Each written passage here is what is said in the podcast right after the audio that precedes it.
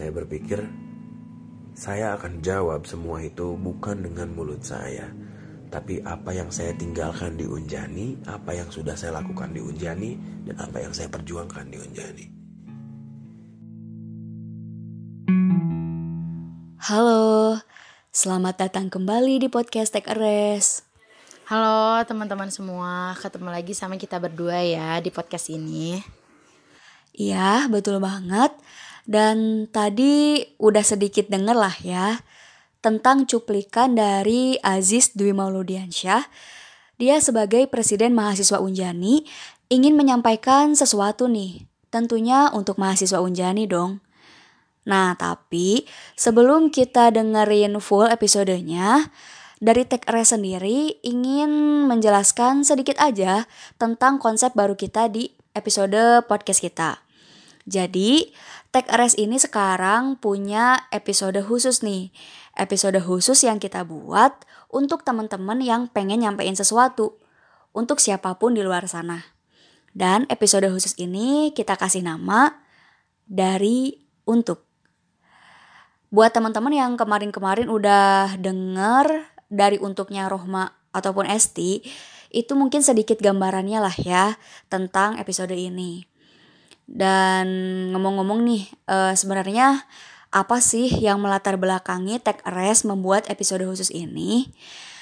Uh, yang pertama, Tech Rest sendiri itu ingin ngajak bareng-bareng buat belajar menyampaikan sesuatu jadi kayak uh, kita kadang suka takut lah ya. Bukan kita sih, ya mungkin beberapa orang dan termasuk diri aku pribadi nih. Kadang suka ngerasa takut buat menyampaikan sesuatu, buat bilang sesuatu. Jadi TKR sendiri pengen ngajak teman-teman semua buat yuk jangan takut lagi buat nyampein sesuatu, buat bilang sesuatu. Karena uh, kita nggak pernah tahu hmm, mungkin aja kita bakal nyesel suatu saat nanti ketika sesuatu yang pengen kita sampein itu ternyata gak sempat kita sampein gitu. Terus buat alasan lain yang melatar belakanginya ini kenapa kita bikin episode khusus ini apa nih mak? Jadi nih es yang kedua ya kita bisa mendengarkan dari banyak perspektif orang lain. Karena lewat situ kita bisa belajar ya nggak kita bisa belajar bahwa oh orang melakukan ini karena ini ya gitu kan.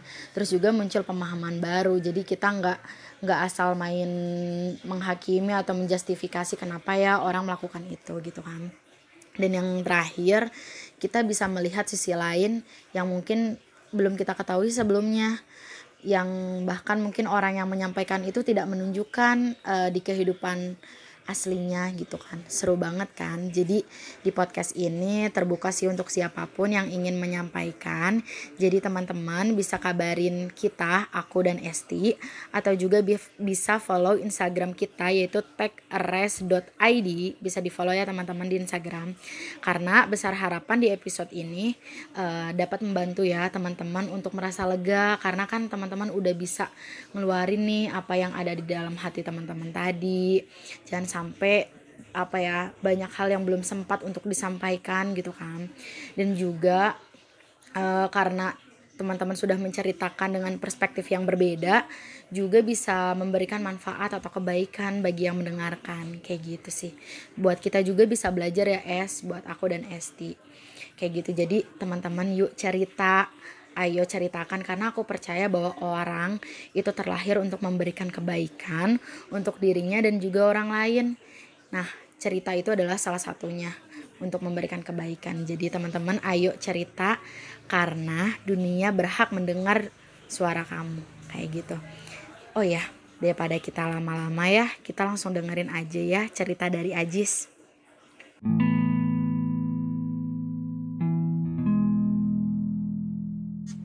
Bismillahirrahmanirrahim.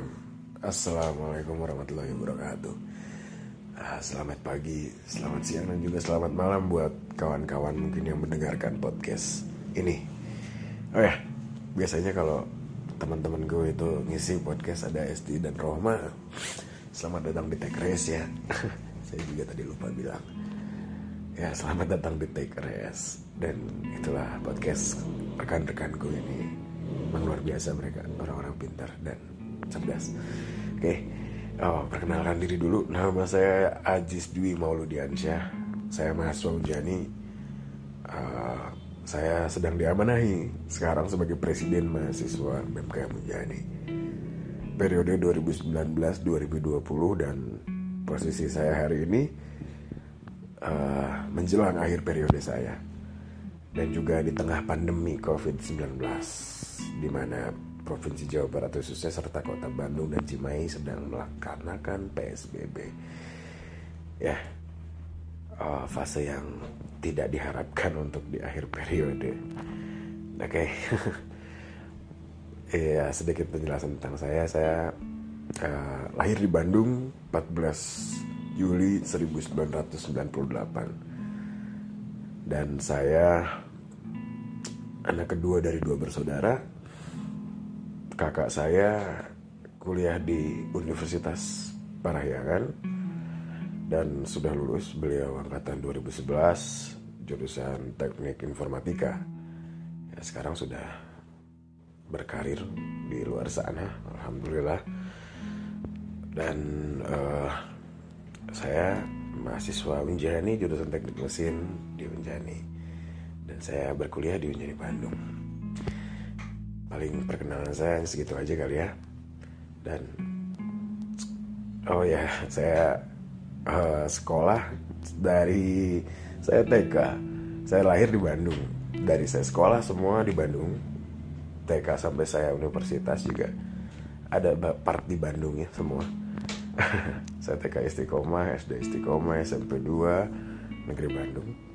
Sampai satu eh, SMA 1 Bandung di Dago. Kuliah di Unjani. Dan uh, kebetulan kuliahnya di Unjani Bandung. Aktivitas juga ke Cimahi tetap berjalan. Oke. Okay.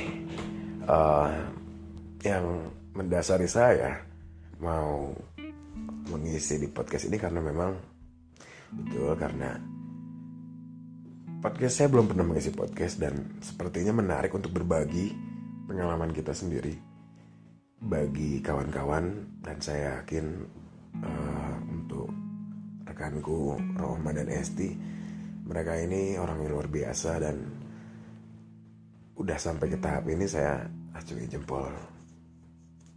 Luar biasa sekali maksudnya udah bisa berpikir. Sepertinya kita bikin uh, kegiatan anu anu anu anu gitu. Itu bagus. Dan sampai akhirnya lahirlah podcast Tekres ini. Terima kasih udah ngundang saya. Dan uh, kalian berdua lah alasanku dan ini pengalaman pertamaku. Karena insya Allah Haji suka menjajal hal yang memang belum pernah dilakukan. Insya Allah lah. Baiklah Haji pengisi ini ya. Maaf juga kalau misalkan kurang baik. Oke. Uh, sudah tadi perkenalan ya memang tadi saya menceritakan di awal uh, alhamdulillah saya sedang diamanahi sebagai presiden mahasiswa BMKM Menjani uh, itu adalah proses yang bisa dibilang lama sekali. Saya berarti sudah tingkat akhirnya sekarang tingkat 4 saya mendeklarkan ingin menjadi seorang presiden mahasiswa itu ketika saya semester 2 akhir selepas semester 2 mau masuk semester 3 itu sedang musimnya. Senggang waktu 3 bulan dari semester genap ke ganjil. Mau masuk semester baru. Mau naik tingkat ke tingkat 2 punya uh, adik-adik baru lagi. Di situlah saya uh, sudah berani mengucapkan saya akan menjadi presiden mahasiswa nanti di Unjani ini ketika memang sudah waktunya. Lalu uh, memang untuk keinginan saya itu bermuncul memang ketika saya jadi mahasiswa baru. Di tingkat satu ketika saya mengikuti rangkaian pengenalan kampus. Saya bersyukur sekali Allah masih sayang sama saya masih bisa memberikan arahan yang bisa dimengerti oleh saya dan langsung terpikirkan dengan jelas di otakku itu bahwa Haji sudah nggak bisa seperti ini terus gitu. Karena Ajis hari ini dengan Ajis zamannya ketika masih sekolah SMP SMA oh, sangat berbanding terbalik 180 derajat. Dan kalau bisa saya beritahu kepada uh, pendengar-pendengarnya dari TKRS bahwa jangan sampai kita terlambat untuk sadar bahwa kita yang menentukan masa depan kita itu adalah kita sendiri. Bukan orang lain. Walaupun semisalkan ada peluang yang diberikan oleh orang lain itu memang hanya datang sekali. Tapi ingatlah peluang itu datang karena diri kita juga. Gitu dengan ikhtiar kita juga berarti yang menentukan ke depannya itu adalah kita sendiri. Dan ketika saya lagi pengenalan kampus di situ kalau nggak salah sedang ada demo demonstrasi ya maksudnya demonstrasi dari UKM UKM kalau nggak salah itu. Memang BEM periode 2016 2017 itu naik ke panggung. Dan di situ saya pertama kali melihat oh ternyata seperti inilah organisasi. Walaupun sebelumnya masih sudah lihat di beberapa di video di YouTube lah entah di berita gitu dan saya juga melihat para ketua organisasi di Unjani yang memang saya lihat ternyata di universitas ketika kita masuk semua tidak melihat latar belakangmu dari mana. Di situ tidak melihat seberapa banyak uangkah kamu, seberapa uh, pintarkah kamu. Tapi yang saya ambil dan yang menjadi pencetus pemikiran untuk bisa berorientasi menjadi seorang presiden mahasiswa adalah ternyata betul. Namanya universitas adalah tempat gudangnya ilmu. Ya, sama sebenarnya seperti sekolah gitu ya. Tapi yang memang lebih banyak lagi ketika kita masuk ke ranah pendidikan tinggi yaitu universitas entah itu sekolah tinggi mungkin ya kawan-kawan yang lain dan khususnya untuk saya di Unjani di situlah saya berpikir sudah waktunya saya berhenti meninggalkan uh, kebiasaan-kebiasaannya. Sudah waktunya saya untuk meninggalkan kebiasaan-kebiasaan yang tidak baik di hidup saya ya. Dan sudah waktunya saya menentukan mau jadi apakah Haji nanti gitu. Kalau tidak sekarang mengumpulkan ilmunya. Di situlah langsung saya memutuskan saya akan menjadi presiden mahasiswa suatu saat nanti. Dan merintislah dari tadi saya ceritakan di semester 2 saya nggak bisa nggak bisa melakukan apa pun. Dulu belum bisa berorganisasi tidak mengerti karena saya tidak memiliki background organisasi gitu. tapi perlulah kita menjajal hal-hal yang memang belum pernah kita lakukan. Itu yang pertama kali saya lakukan. Saya ikuti itu ikuti ini tapi langsung ber, sudah punya tapi karena punya orientasi saya ingin menjadi presiden coba saya lebih uh, khususkan yang bagian itu tuh bagaimana sudah sampai mana saya persiapan dan yang saya perjuangkan dari awal mempersiapkan diri ingin menjadi calon presiden gitu ya. Mencalonkan presiden juga belum belum sampai. Mempersiapkan diri sampai ke sekarang menjalankan tetap uh, saya betul betul uh, betul betul tidak mau lupa dengan apa yang sebenarnya saya ingin lakukan di Unjani ini tuh. Yang saya perjuangkan adalah jangan sampai uh, mahasiswa Unjani ini hak-haknya diambil. Hak-hak mereka dalam melaksanakan uh, kegiatan akademik mereka selama menempuh program studi di Unjani. Jangan sampai mahasiswa dirugikan dengan kebijakan-kebijakan yang memang dirasa kurang baik.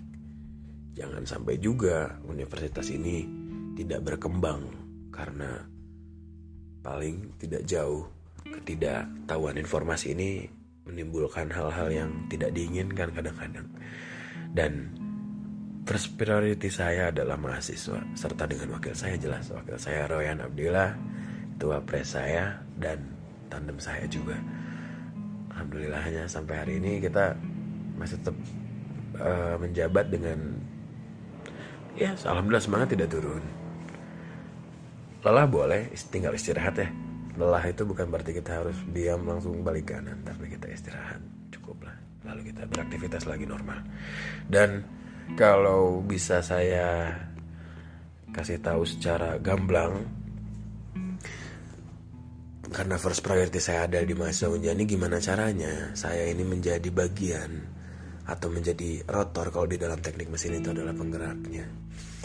Mereka itu mendapatkan kesempatan-kesempatan yang memang seharusnya dimiliki karena memang itu sudah menjadi hak-haknya mereka semua ketika memang dia masuk ke dalam sini. Jika memang kalau uh, tadi saya ceritakan ya ilmu itu diraih ilmu itu kita gapai. Ini adalah tempat gudangnya ilmu. Saya akan jajakan kepada masa menjadi jangan lupa ambil ilmu secara maksimal entah itu tentang profesinya mereka entah itu di luar profesian mereka skill dan soft skillnya mereka. Memang kejaran tidak ada yang uh, berbeda ya kalau bicara universal. Saya ada kejaran tentang mahasiswanya.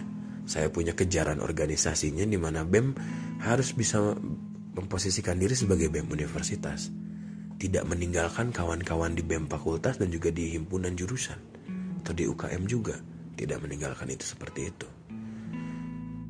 Karena yang namanya organisasi adalah pekerjaan yang dilakukan secara berkelompok. Saya rasa ketika bekerja sendiri ya individu lah Anda itu.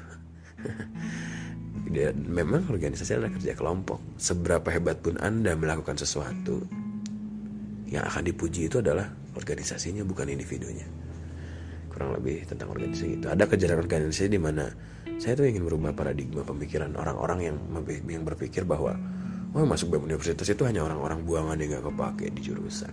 Di fakultasnya atau orang-orang yang hanya di uh, lupa diri Dia itu padahal dididiknya dari jurusan mana, dari fakultas mana saya punya tiga, tiga kejaran tentang organisasi. Tadi satu merubah paradigma pemikiran orang tentang SDM yang ada di sana itu bukan bukan orang-orang seperti itu.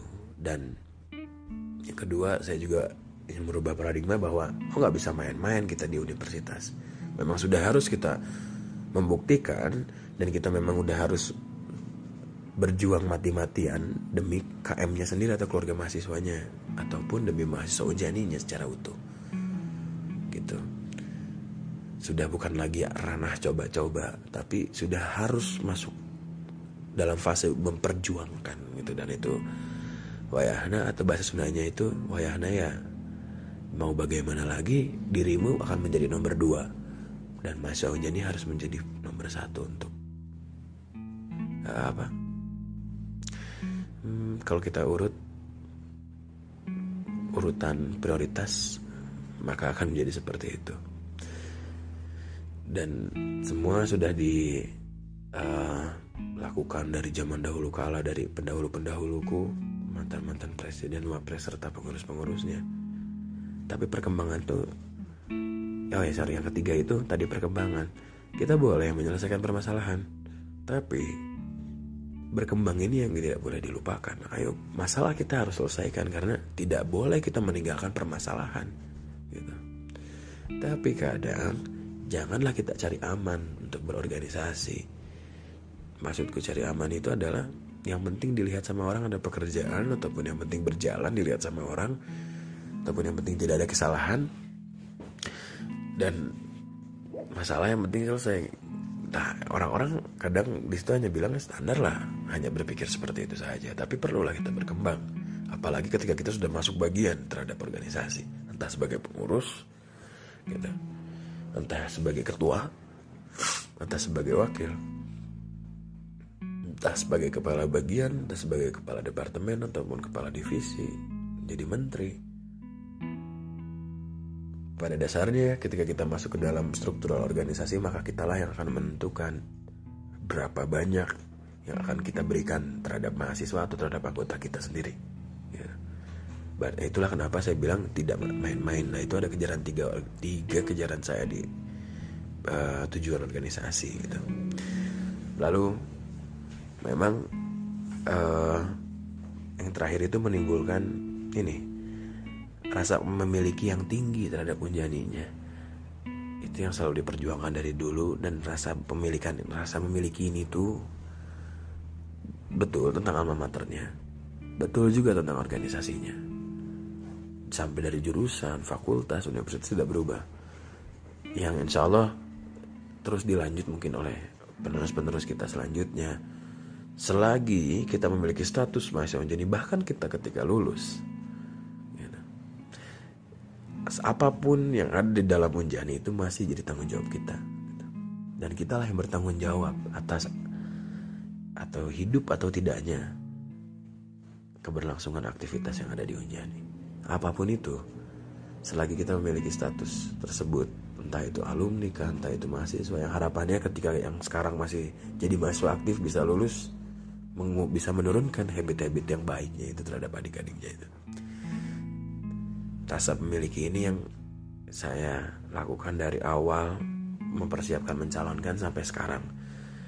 Mau kita uh, apa namanya mahasiswa jurusan mana ke urusan fakultas dia untuk ya maksudnya urusan fakultas kitanya gitu. Entah dan juga urusan universitasnya itu juga tanggung jawab kita semua. Sudah menjadi tanggung jawab karena memang kita mahasiswa unjaninya.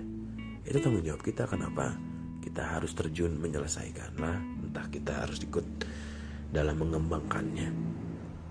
Alhamdulillah memang sejauh ini makin berkembang organisasi kita tuh dan juga semakin dewasanya kita berorganisasi yang lain juga sadar dengan sendirinya. Sama-sama tahu hal-hal buruk atau mungkin hal baik itu akan selalu ada di mana pun. Tapi saya lihat sepertinya sampai ke hari ini dengan melihat tiga tahun sebelumnya sampai ke hari ini terus tiap tahun itu berkembang dan saya sangat bersyukur. Dan memang bicara tentang mempersiapkan saya memang sudah lama menjalankan. Saya sudah menjalankan kurang lebih sekitar uh, 10 bulan ada ya. Masuk bulan ke 10 atau bulan ke mau masuk bulan ke 10 karena saya dilantik itu Agustus. Dan secara administrasi memang dituliskan saya 12 bulan menjabat. Itu kalau secara administrasi selesai di 31 Agustus 2020 dan ketika pencalonan banyak sekali kejadian-kejadian yang terjadi. Dari mulai saya mempersiapkan diri sampai mencalonkan diri sampai menjalankan sebagai presiden itu benar-benar banyak sekali yang dialami oleh saya dan juga serta tandemku ini Roy partnerku dia. Dan memang banyak sekali orang yang sampai berbicara tidak yakin Ajis bisa menjadi seorang presiden mahasiswa. Ajis tidak layak menjadi seorang presiden mahasiswa. Memang punya kemampuan apa? Bicara bagaimanakah Ajis kamu perasaannya ketika ada orang yang seperti itu? Manusia berhak kok untuk jujur. Rasanya memang kaget. Sedih juga. Gitu. Kaget dan sedih juga. Padahal belum belum lihat gitu. Padahal belum belum juga membuktikan. Padahal belum juga saya ambil bagian sebagai pengurus sudah dibilang tidak mampu gitu. Sedih dan itu ada. Bukan uh, saya mau jawabannya so soal inspiring dengan jawaban yang wah saya jadi ter, ter apa uh, terpecut di sini menjadi sadar lah. Memang betul itu saya juga sadar. Kurang lebih bicara apa yang dirasakan pasti akan berat. Hidup lah memang life is never flat dengan dinamisnya grafik kehidupannya betul. Akan ada orang yang berjuang mati-matian untuk orang lain tapi entah orang lain melihat itu sebagai hal yang baik ataupun buruk atau benar atau salah. Karena prinsip tersebut ya akhirnya uh, saya berpikir saya akan jawab semua itu bukan dengan mulut saya, tapi apa yang saya tinggalkan di Unjani, apa yang sudah saya lakukan di Unjani, dan apa yang saya perjuangkan di Unjani. Dan banyak sekali yang bisa saya ceritakan sebenarnya. Tapi satu yang memang saya tidak inginkan itu adalah kawan-kawan mahasiswa Unjani yang uh, lelah untuk berjuang. dan pesimis ketika kita mendapat satu uh, permasalahan entah kita satu kali jatuh sampai benar tersungkur gitu lalu kita diem dan sudah sepertinya kita sudah sampai titik akhir tidak sebenarnya. Saya berharap kepada uh, kawan-kawanku yang jadi masa unjani adalah do what you must to do and do what you want to do. Lakukan apa yang harus kamu lakukan dan lakukan apa yang ingin kamu lakukan. Karena menurut prinsip organisasi yang saya coba cari sharing dan saya coba tarik kesimpulan. Contoh khususnya di organisasi. Bicara benar atau salah itu akan sulit untuk kita tentukan. Tapi bicara tepat dan tidak tepat itu masih bisa kita pertimbangkan mana yang paling tepat dan mana yang tidak tepat. Dan itulah resiko menjadi seorang pemimpin. Guncangan itu akan muncul dan ketika kita harus milih itu harus sudah siap untuk memilih nggak perlu ragu untuk memilih karena ketika kita sudah berjalan proses tersebut bertenangnya kita sudah ada persiapan. Seperti itulah. Dan kalau saya bisa ini agak lama juga ya saya bercerita ya. Uh, dan juga bisa memutar waktu untuk uh, bisa mengulang semuanya ya pastilah jawabanku. Dari saya TK pun saya berharapnya ingin menjadi Ajis yang seperti ini tapi tidak. Saya bangga dengan apa pun yang sudah saya lalui. Saya juga mengakui kesalahan apa pun yang sudah saya lakukan. Karena yang saya petik salah satu dari banyaknya yang saya ambil dalam pengalaman di kampus gentleman agreement mungkin bagimu seorang para laki-laki gitu ya, perlu kita berlakukan dalam hidup kita. Akui saja ketika memang kita salah benahi langsung kesalahan kita. Agar kita tidak masuk lagi ke lubang yang sama. Jika kita menemukan permasalahan dan kita gagal kembali dengan permasalahan yang sama. Berarti kita bisa simpulkan bahwa kita tidak belajar dari pengalaman tidak belajar dari kesalahan percuma kita mengevaluasi. Tapi tidak boleh lagi kita bisa dibilang menyerah lagi kalau kita oke okay, kita nggak belajar ya sudahlah kita bubar saja. Saya harap mahasiswa mahasiswa di Unjani khususnya itu punya tekad yang nggak pernah menyerah. Walaupun mending kita dikatakan salah daripada kita disuruh suruh orang. Mending kita dikatakan bodoh dikatakan so tahu karena berani untuk mencoba.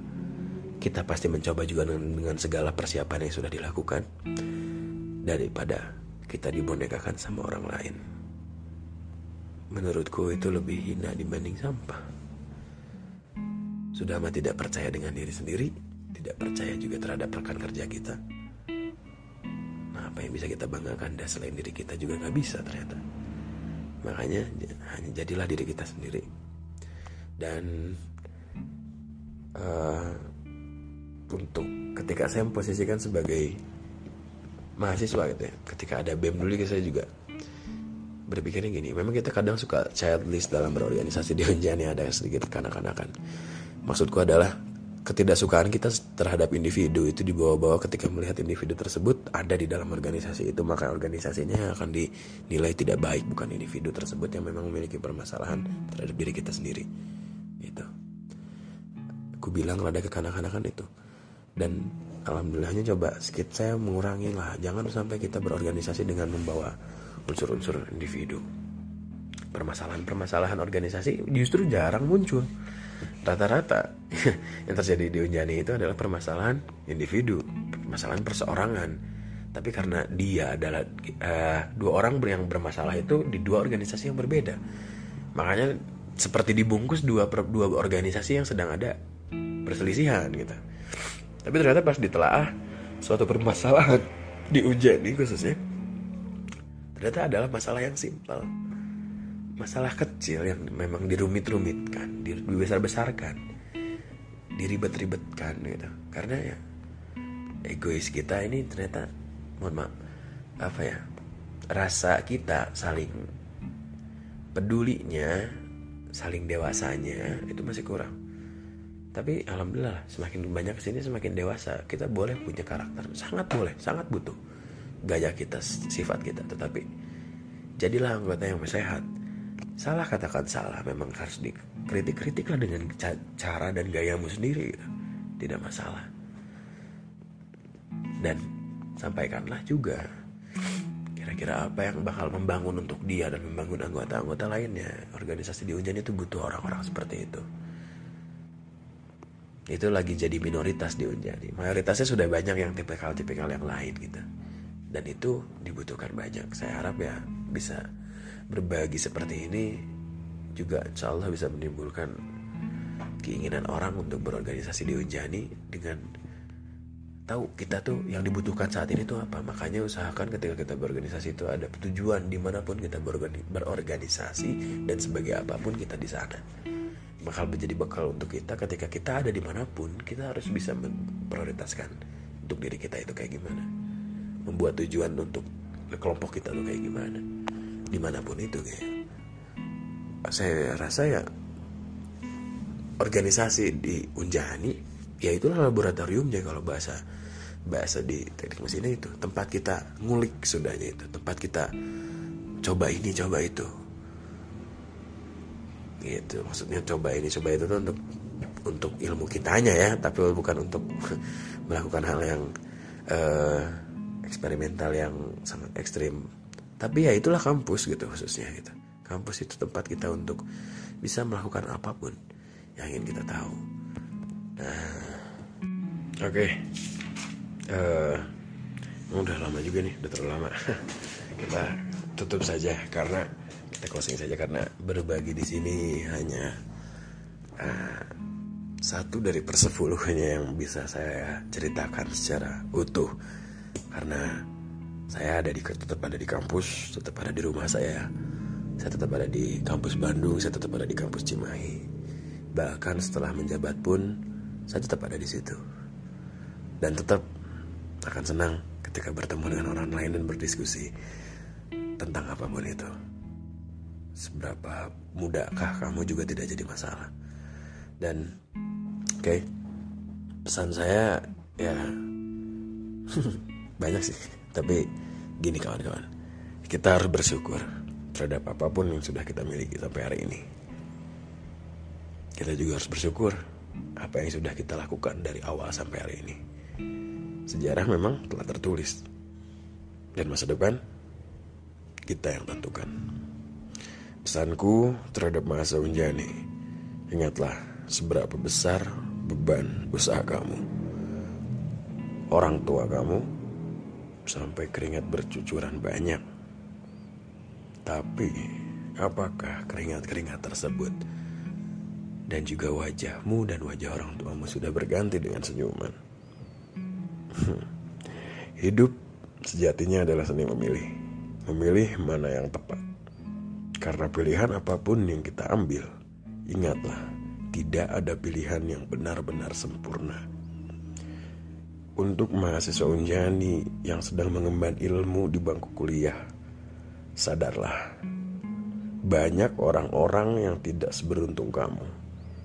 Jangan menyia-nyiakan kesempatan yang sudah ada dan tetap bersyukur dan semangat juga. Walaupun jurusan atau kampus yang kamu dapat ya gak sesuai keinginan. Itu reality ya. Dan jangan pernah kamu mengeluh tentang rumitnya lelahnya bahkan sampai menyerah. Karena ingatlah tugas-tugas kuliahmu dan pekerjaan organisasimu tak sebanding dengan kerja keras orang tua yang membesarkan kamu. Dan mahasiswa Unjani yang yang sudah mungkin sudah lulus atau mungkin yang akan lulus. Ingatlah untuk akang-akangku dan teteh-tetehku adik-adikku dan untuk diri saya sendiri. Ingatlah yang menentukan kita bisa mencapai titik mana pun adalah kita sendiri alma mater Unjani atau background dulu kita kuliah di mana tidak akan terlalu berpengaruh. tapi kemampuan diri kita sendirilah yang akan berpengaruh. Maka tetap semangat. Salam perubahan. Hidup mahasiswa. Assalamualaikum warahmatullahi wabarakatuh. Uh, episode ini sudah selesai dari Take Rest.